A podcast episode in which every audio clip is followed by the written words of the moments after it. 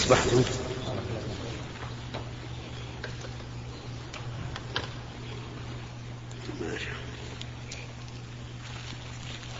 ما هي برد عليكم؟ والبرد عليكم؟ زين؟ ها؟ زين هذا أظن الثامن نعم أي السلام عليكم.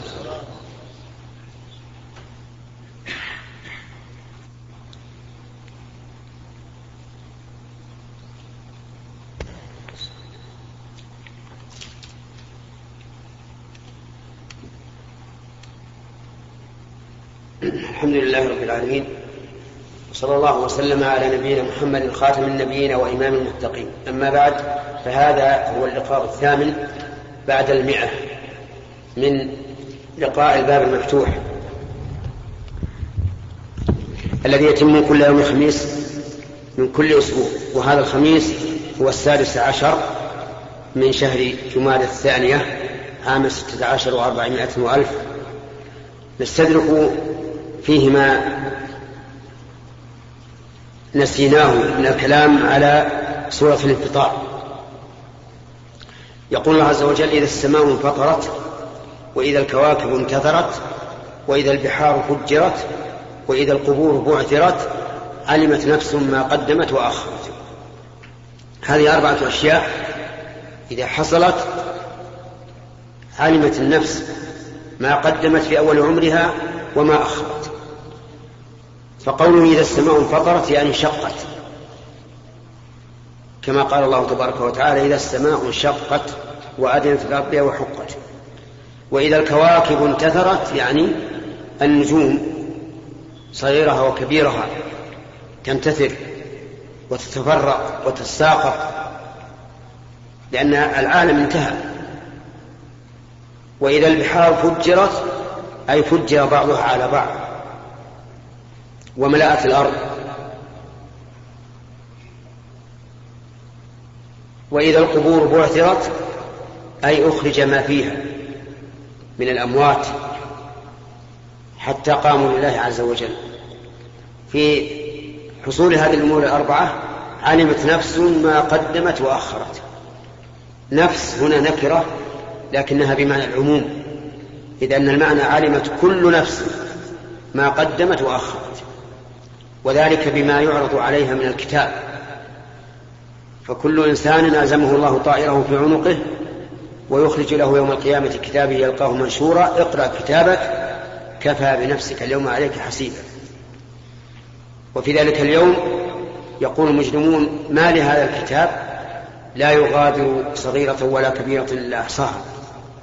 فيعلم الإنسان ما قدم وأخر بينما هو في الدنيا قد نسي. فنحن الآن نسينا ماذا عملنا من منذ أزمان بعيدة لكن يوم القيامة يعرض علينا عملنا فتعلم كل نفس ما قدمت وأخرت. والغرض من هذا التحذير تحذير العبد من أن يعمل مخالفة, مخالفة لله ورسوله لأنه سوف يعلم بذلك ويحاسب عليه. يا أيها الإنسان ما غرك بربك الكريم. يا أيها الإنسان المراد بالإنسان هنا قيل هو الكافر وقيل الإنسان من حيث هو إنسان لأن الإنسان من حيث هو إنسان ظلوم ظلوم جهول ظلوم كفار. إن الإنسان لظلوم كفار.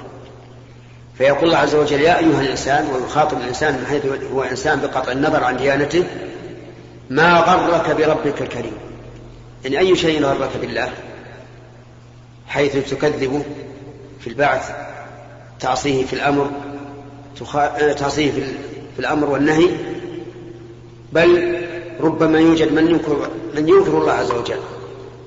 فما الذي غرك قال بعض العلماء إن قوله تعالى ما غرك بربك الكريم إشارة إلى الجواب وهو أن الذي غر الإنسان كرم الله عز وجل وإمهاله وحلمه لكنه لا يجوز أن يغتر الإنسان بذلك فإن الله يملي للظالم حتى إذا أخذه لم يفلت. إذا ما غرك بربك الكريم؟ الجواب كرمه وحلمه. هذا هو الذي غر الإنسان وصار يتمادى في المعصية يتمادى في التكذيب يتمادى في المخالفة. الذي خلقك فسواك فعدلك. خلقك من العدم وأوجدك من العدم وسواك جعلك مستوي الخلقة. ليست يد أطول من يد ولا رجل أطول من رجل ولا أصبع أطول من إصبع. بحسب اليدين والرجلين فتجد الطويل في يد هو الطويل في اليد الأخرى والقصير هو القصير وهلم جر سوى الله عز وجل الإنسان من كل ناحية من ناحية الخلقة. فعدلك وفي قراءة سبعية فعدلك أي جعلك معتدل القامة مستوي الخلقة. لست كالبهائم التي آه، لم تكن معدلة. بل تسير على يديها ورجليها. أما الإنسان فإنه خصه الله بهذه الخصيصة. في أي صورة ما شاء ركبك يعني الله ركبك في أي صورة شاء؟ من الناس من هو جميل ومنهم من هو قبيح ومنهم من المتوسط ومنهم الأبيض ومنهم الأحمر ومنهم الأسود ومنهم ما بين ذلك. أي صورة يركبك الله عز وجل على حسب مشيئته. ولكنه ولكنه عز وجل شاء للإنسان أن تكون صورته أحسن الصور. ثم قال كلا بل تكذبون بالدين. كلا حرف رد بل للإضراب. يعني مع هذا الخلق والإمداد والإعداد تكذبون بالدين أي بالجزاء. وتقولون إن هي إلا حياتنا الدنيا نموت ونحيا وما وما نحن مبعوثين. فتكذبون بالدين أي بالجزاء. وربما نقول وتكذبون أيضا بالدين نفسه. فلا تقرون بالدين الذي جاءت به الرسل.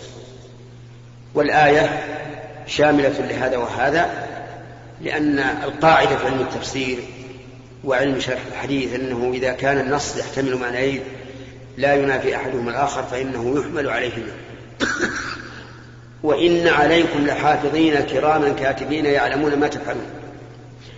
تأكيد بمؤكدين إن ولا وإن عليكم لحافظين. الإنسان لا عليه حافظ يحفظه ويكتب كل ما عمل قال الله تعالى ما يلفظ من قول إلا لديه رقيب عتيد. فعلى كل إنسان حفظه. يكتبون كل ما قال كل ما فعل. وهؤلاء الحفظة كرام. ليسوا لآمن. بل عندهم من الكرم. ما ينافي أن يظلموا أحدا فيكتبوا عليه ما لم يعمل أو يهدروا ما عمل. لأنهم موصوفون بالكرم. يعلمون ما تفعلون. يعلمون ما تفعلون إما بالمشاهدة إن كان فعلا وأما بالسماع إن كان قولا. بل إن عمل القلب يطلعهم الله عليه فيكتبونه. كما قال النبي عليه الصلاة والسلام من هم بالحسنة فلم يعملها كتبت حسنة ومن هم بالسيئة نعم ولم يعملها كتبت حسنة كاملة لأنه تركها لله عز وجل. والأول يثاب على مجرد الهم بالحسنة.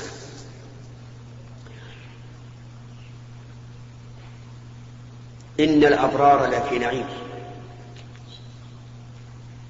هذا بيان للنهاية والجزاء أن الأبرار جمع بر وهم كثير فعل الخير المتباعدون عن الشر. لفي نعيم أي نعيم في القلب ونعيم في البدن. ولهذا لا نجد أحدا أطيب قلبا ولا أنعم بالا من من من الأبرار أهل البر. حتى قال بعض السلف لو يعلم الملوك وأبناء الملوك ما نحن فيه لجالدون عليه بالسيوف. وهذا النعيم الحاصل يكون في الدنيا وفي الآخرة. أما في الآخرة فالجنة وأما في الدنيا فنعيم القلب. وطمأنينته ورضاه بقضاء الله وقدره. فإن هذا هو النعيم حقيقة. ليس النعيم في الدنيا أن تترف عن بدنيا النعيم نعيم القلب. وإن الفجار لفي جحيم. الفجار هم الكفار. ضد الأبرار. لفي جحيم أي في نار حامية والعياذ بالله. يصلونها يوم الدين. يعني يحترقون بها يوم الدين أي يوم الجزاء وذلك يوم القيامة. وما هم عنها بغائبين أي لن يغيبوا عنها فيخرجوا منها كما قال الله تبارك وتعالى وما هم منها بمخرجين. لأنهم مخلدون فيها أبدا والعياذ بالله. وما أدراك ما يوم الدين ثم ما أدراك ما يوم الدين هذا الاستفهام للتفخيم والتعظيم. يعني أي شيء أعلمك بالدين بيوم الدين. أي شيء أعلمك. يعني معناه اعلم هذا اليوم واقدره قدره. وما أدراك ما يوم الدين؟ يوم لا تملك نفس لنفس شيئا والأمر يومئذ لله. في يوم القيامة لا أحد يملك لأحد شيئا. لا بجلب خير ولا بجلب بدفع ضرر إلا بإذن الله عز وجل. لقوله والأمر يومئذ لله. في الدنيا هناك أناس يأمرون من الأمراء والوزراء والرؤساء والآباء والأمهات لكن في الآخرة ما فيه. الأمر لله عز وجل. ولا تملك نفس لنفس شيئا إلا بإذن الله. ولهذا كان الناس في ذلك اليوم يلحقهم من الغم والكرب ما لا يطيقون ثم يطلبون الشفاعة من آدم ثم نوح ثم إبراهيم ثم موسى ثم عيسى حتى تنتهي إلى نبينا صلى الله عليه وعلى آله وسلم. فيشفع بإذن الله فيريح الله العالم من الموقف. والأمر يومئذ لله. فإن قال قائل أليس الأمر لله في ذلك اليوم وفي غيره؟ قلنا بلى الأمر لله تعالى في يوم الدين وفي وفيما قبله. لكن ظهور أمره في ذلك اليوم أكثر بكثير من ظهور أمره في الدنيا. لأن في الدنيا يخالف الإنسان أوامر الله عز وجل ويطيع أمر أمر سيده. فلا يكون الأمر لله بالنسبة لهذا. لكن في الآخرة ما في إلا, إلا أمر الله عز وجل. وهذا كقوله تعالى لمن الملك اليوم لله الواحد القهار والملك لله في الدنيا وفي الآخرة.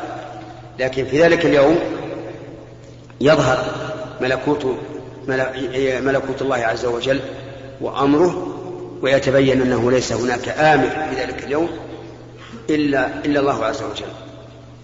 قرب شوي عشان.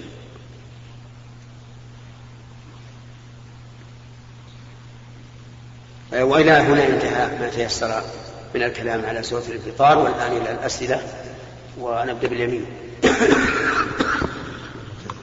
نعم. والأولى الذين ليسوا من أهل البلد.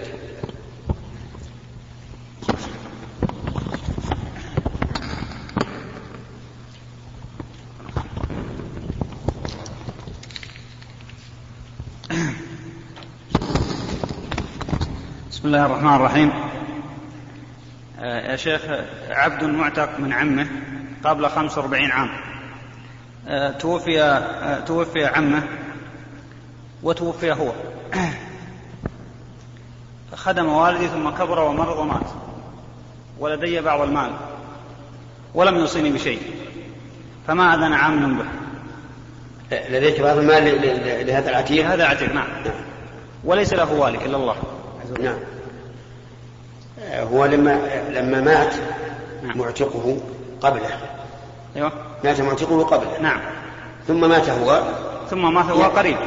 يكون عصبته هم عصبة المعتق المتعصبين المتعصبون لأنفسهم. يعني هل نبحث عن عن عن عصبته؟ لا يعني النسب لا ليس بالنسب هل هل تعرفون له أقارب من النسب؟ لا ما نعرف. خلاص. إذا الميراث لكم أنتم. أنتم أبناء ابن المعتق. المعتق ليس ليس والدي. المعتق جدك. وليس جدي. ها. شخص آخر. وإنما عرفناه هو من 45 سنة وجاي. يعني ليس ليس بينكم وبينه قرابة ليس بين بينه قرابة ولا عتق ولا شيء. إيه. إذا معناه لا يعلم الآن له وارث نعم. لا بنسب ولا بولاء إيه نعم. كذا؟ كذا. طيب الجد اللي أعتقه هذا اللي اعتق ما له أولاد؟ يمكن يكون له أولاد ما نعرف. ما تعرفون. إذا ارجعوا بين المحكمة. لبيت المال. يرجع يعني وما خصص شيء أو ندفع كل اللي يعني كل اللي خلفه الآن لازم يكون في بيت المال. تبع يعني المحكمة. ما نضع يعني في مسجد أو في شيء أو في هذا أبدا لأنه مو بلكم. هو هو له هو النبي هو إيه. ما ما هو بلكم بيت المال ما يمكن تتصرفون فيه. جزاك الله نعم.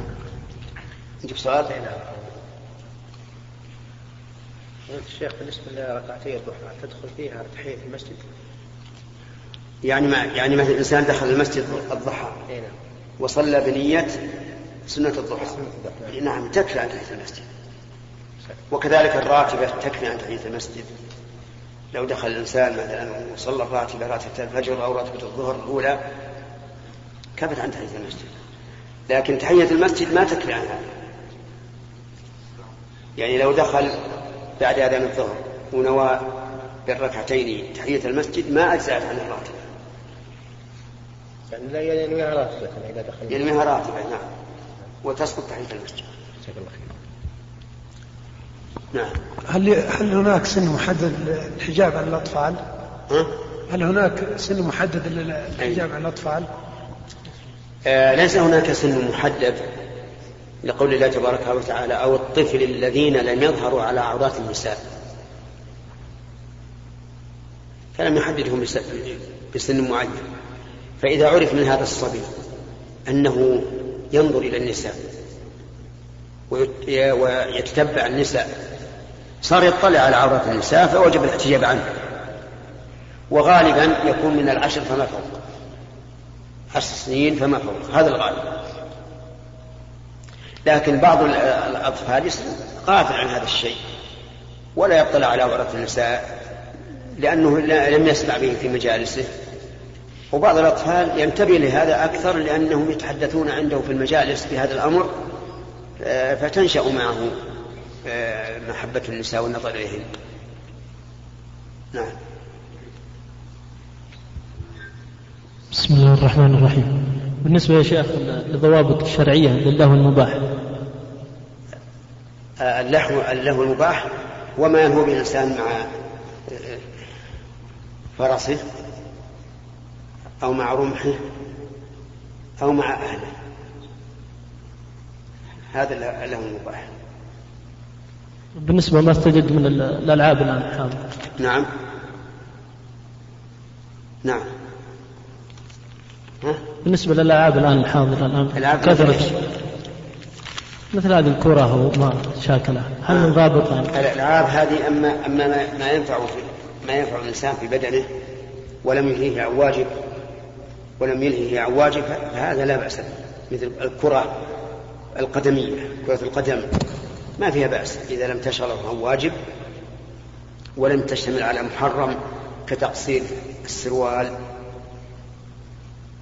أو السب والشتم فيما بين اللاعبين. هذه لا بأس بها. أما الألعاب الأخرى فهذه يرى علماؤنا أنها حرام مثل البلوت والتنس وما أشبهه نعم. اليمين. الصف هذا ما في أحد. نعم. يا شيخ نعم. في شخص حدثني يقول في حديث أنه في مكة أن من هم بسيئة في مكة ولم يعملها كتبت له نعم. ما أدري الحديث هذا صحيح ولا إذا إذا هم ولم يعملها فإن تركها لله أثيب على ذلك. وإن تركها لأن نفسه طابت منها فإنه لا يثاب عن الترك. تكتب عليه. في مكة. في مكة. ومن يرد فيه بإلحاد بظلم نذقه من عذاب أليم.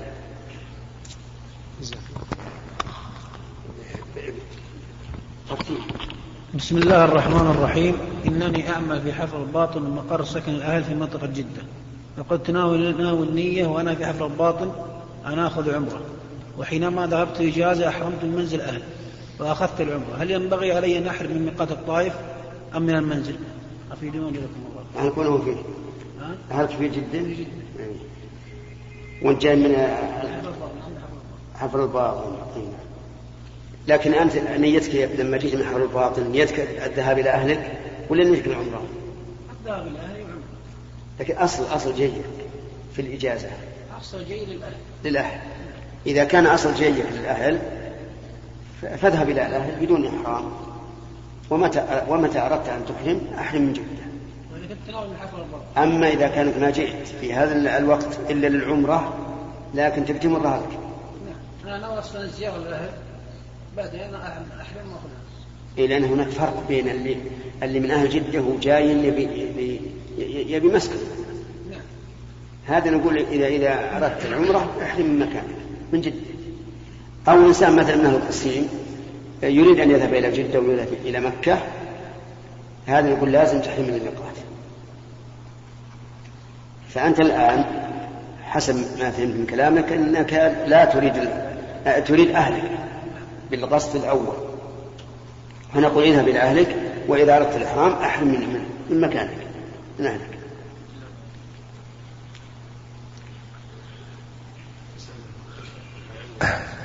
الصفا الصفا هذا ما فيها بسم ليش الصفا هذا ما يجي؟ بسم الله الرحمن الرحيم؟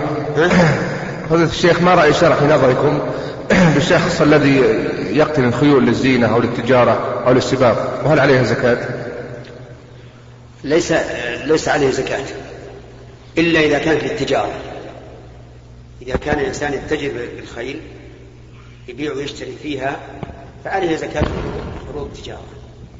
أما إذا عدها للسباق أو عدها للركوب فقد قال النبي عليه الصلاة والسلام ليس على المسلم في عبده ولا فرسه صدقة. نعم. أي شيء.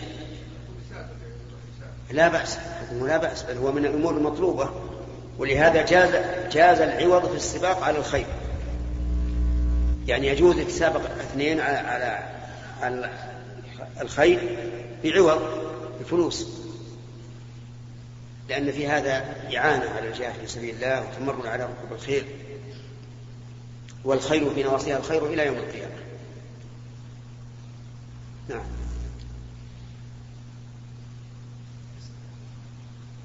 لا لا. من من, من هنا. الطلاب يكون في الأخير. لأن اللي جاي من برا أحق. نعم. يا شيخ المكافآت اللي يأخذها طلاب الجامعة إذا كان يغيب الطالب ويأخذ المكافأة كاملة ما يجازون. بل هذا من الكسب الطيب؟ وهم يعلمون بذلك؟ هم يعلمون بذلك ولكن المكافأة يأخذها كاملة. السؤال هل يعلمون بتغيبه؟ أي نعم يعلمون. إيه لا بأس. ي- ي- يأخذها كاملة. لأن هذه المكافأة بناء على أنه طالب له ما هي أجرة, أجرة يومية؟ نقول إذا غبت يوم لازم تخصم من من الراتب. هذه مكافأة لكونك ارتبطت بالجامعة وفرغت نفسك لطلب العلم. ما تؤثر على الدعاء يا شيخ؟ نعم. ما تؤثر تكون تؤثر على دعاء يعني لا لا إذا قلنا إنه حلال ما تقدر اليمين هذا الصف هذا نزل هاته نعم. هل الجنب يقرأ القرآن؟ لا الجنوب لا يقرأ القرآن. لأن لأن الأحاديث تدل على منعه. لكن لو قرأ آه، لو قرأ دعاء يوافق مثل قال الحمد لله رب العالمين آه، أو قال آه، وهو يدعو ربنا لا تزغ قلوبنا بعد إذ هديتنا وهب لنا من لدنك رحمة إنك أنت الوهاب. فلا بأس. أما إذا قصد التلاوة فلا يجوز نعم.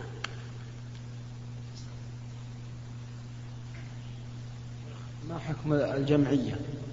مثل أن يستقطع بعض الأشخاص جزء من راتبهم يأخذه كل شخص منهم واحد ما فيها بأس.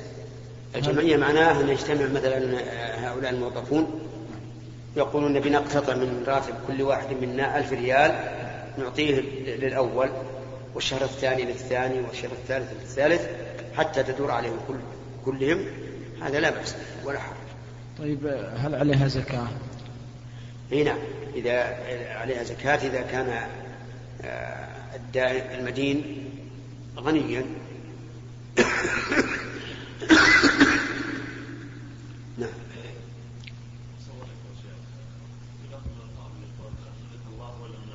إيش؟ نعم. اي نعم صحيح. منة الله ولا منة خلقه يعني معناه أنه اكتفى بمنة الله والله عز وجل له المنة علينا. ولا منة الخلق يعني لا أريد أن أسأل أحدا أو أستجدي أحدا. فهي كلمة لا بأس بها. أحسن الله إليك يا شيخ. رجل في طواف الوداع في الشوط الثاني. هو جماعة يعني حس أنه مثلا دعس على شيء أكرمكم الله مثلا يعني مثل البرز في المطاف. فشك ففي الشوط الخامس آه، حصل أن الناس انزاحوا وكلهم يقولون نجاسة نجاسة فجاء عمال النظافة ونظفوا المنطقة اللي في الطواف. وكانت يعني زحمة شديدة. فعندما انتهى من الطواف رجع توضأ وصلى ركعتين. فما حكم الطواف؟ الطواف صحيح ما فيه ما في شيء. لكن لماذا يتوضأ؟ لأنه شك في المسألة يعني إنه هل أحدث؟ لا ما ما حدث النجاسة ما توجب الوضوء. إيه. النجاسة لا توجب النجاسة تغسل فقط وإذا كان الإنسان على وضوء بقي على وضوءه. نعم. نعم. الآن بعض الناس يقول لشخص اثنان يعني تراهنان على شيء. يقول واحد أنا مثلا بخمسين ريال أو مئة ريال إذا كان كذا. يقول الثاني كذلك يعني أو من عشرة. بالعكس. إي نعم كل من الطرفين يعني. هذا لا يجوز لأن النبي صلى الله عليه وعلى آله وسلم قال لا سبق إلا في خف أو نصل أو حافر. الخف الإبل والحافر الخيل والنصر السهام يعني الرمي. هذه الثلاثة يجوز أن نتراهن فيها وما عدا ذلك لا يجوز. نعم. الشيخ السلام عليكم ورحمة الله. السلام بالترتيب يا أخي بالترتيب. نعم.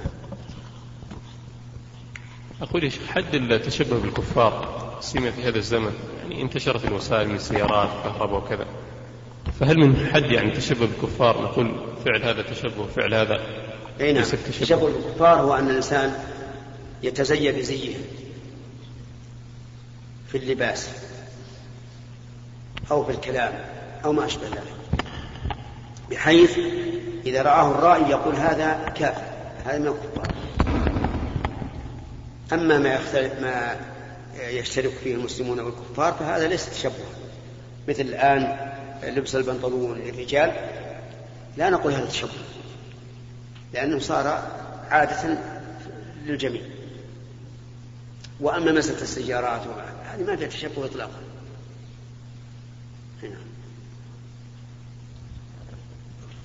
السلام عليكم ورحمة الله. السلام ورحمة الله أقول يا شيخ إذا شخص مثلا يطلب شخص مبلغ وهي سلفة. هل عليها زكاة يا شيخ؟ بارك الله فيك. هذه الدين